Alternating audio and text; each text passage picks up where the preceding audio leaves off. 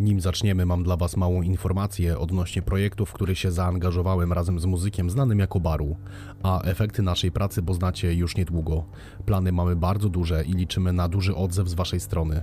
Razem z Kubą stworzyliśmy naprawdę ciekawy kawałek naprzód Słowianie i już niedługo będziecie mogli sami się przekonać o tym, jak nam wyszło. Trzymajcie kciuki. Sława. We wszystkich podręcznikach od historii, we wszystkich szkołach czy programach historycznych mamy spójną wersję dziejów Słowian.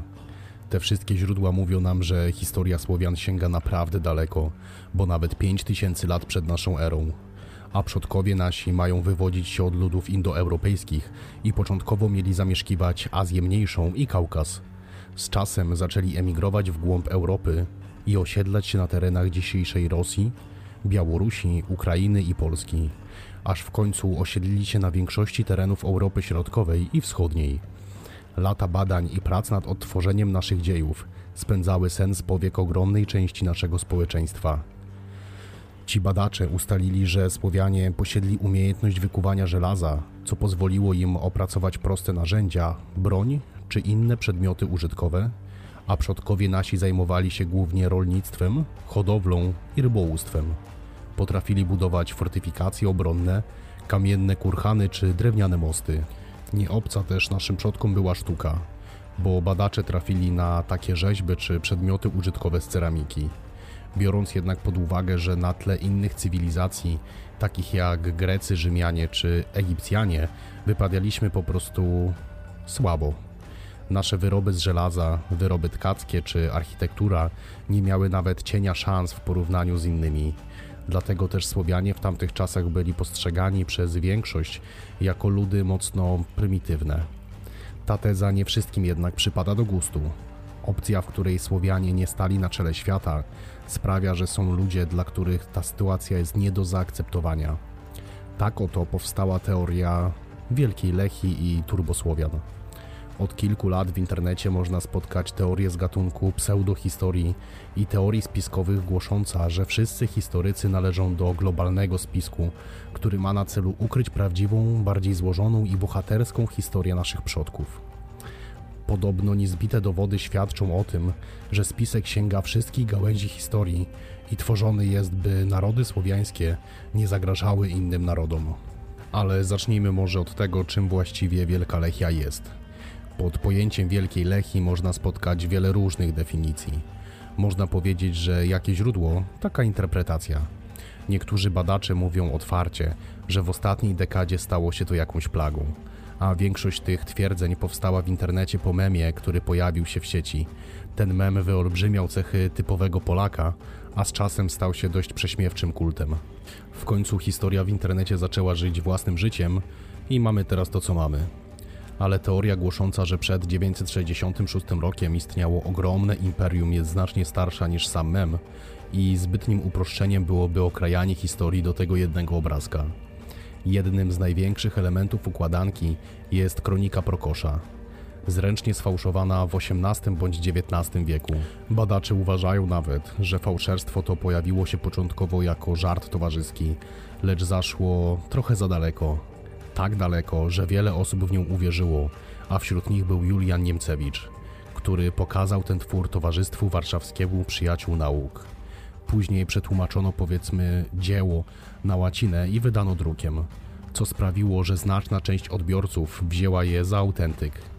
Dzisiejsi zwolennicy teorii turbosłowian otwarcie głoszą, że spisek powstał, ponieważ Niemcy, chrześcijanie i Kościół katolicki obawiają się naszych ambicji, które wzrosłyby, gdyby Słowianie wiedzieli, że ich przodkami była ogromna cywilizacja.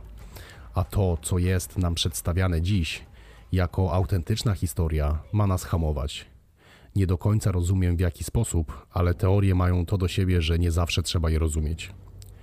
Przechodząc do sedna, Wielka Lechia dziś jest uznawana za państwo mityczne. Co ciekawe, nawet sami zwolennicy nie są w stanie określić dokładnej genezy istnienia tego tworu. Jedni mówią, że cywilizacja ta trwała tylko kilka wieków, inni, że 11 tysięcy lat. A jeszcze inni, i to nie jest żart, twierdzą, że pierwsi ludzie na Ziemi mówili po polsku. W latach największej świetności imperium miało sięgać od Renu na zachodzie, gdzie graniczyło z Imperium Rzymskim, Pomorze Czarne na południu i Ural na zachodzie. W sieci można trafić na wiele w sumie interesujących dowodów na istnienie mitycznego państwa. Na przykład na niektórych forach można przeczytać, że słowo Lach wywodzi się od bóstwa, a wzięło się od tego, że Lechici to rasa panów. Innym dowodem istnienia imperium jest gen R1A1, którego występowanie pokrywa się z granicami imperium. Wielka Lechia posiada też swój poczet władców, a chyba najciekawszym z nich jest Lech II Chytry, który wsławił się, uwaga, pokonaniem Aleksandra Macedońskiego. Ponoć Aleksander, rozochocony wygrywaniem w Azji i Europie, miał zapragnąć terenów należących do Sławion. Wysłał więc swoich posłańców do Krakowa. Owszem, turbosłowianie wierzą, że Kraków już wtedy istniał, ale wróćmy do sedna sprawy. E, Wysłał swoich posłańców, ci jednak zostali zamordowani, a Aleksander Macedoński zapragnął zemsty i zbrojnie ruszył na Lechistan.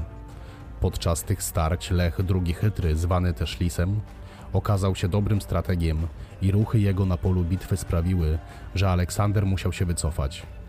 Tak oto wojewoda Lech stał się władcą Wielkiej Lechii, Lechem II Chytrym. O innych z tego grona pozwólcie, że wspominał nie będę. Opowiedzmy sobie w końcu na pytanie, czy Wielka Lechia mogła istnieć. Jeśli weźmiemy pod uwagę same źródła historyczne, badania i dowody, to nie, nie ma takiej możliwości. Historycy nie wykluczają jednak istnienia jakiejś grupy plemiennej będącej na wyższym poziomie niż inni. Jednak do turbosłowian to im daleko.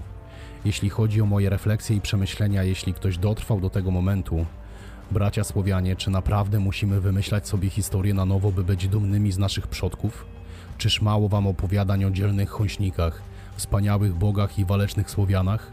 Czyż to, co mamy, wam nie wystarcza?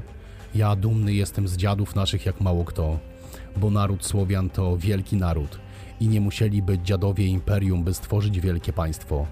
Sława. Jeśli chcesz wesprzeć ten projekt, zapraszam Cię na Patronite i na Coffee.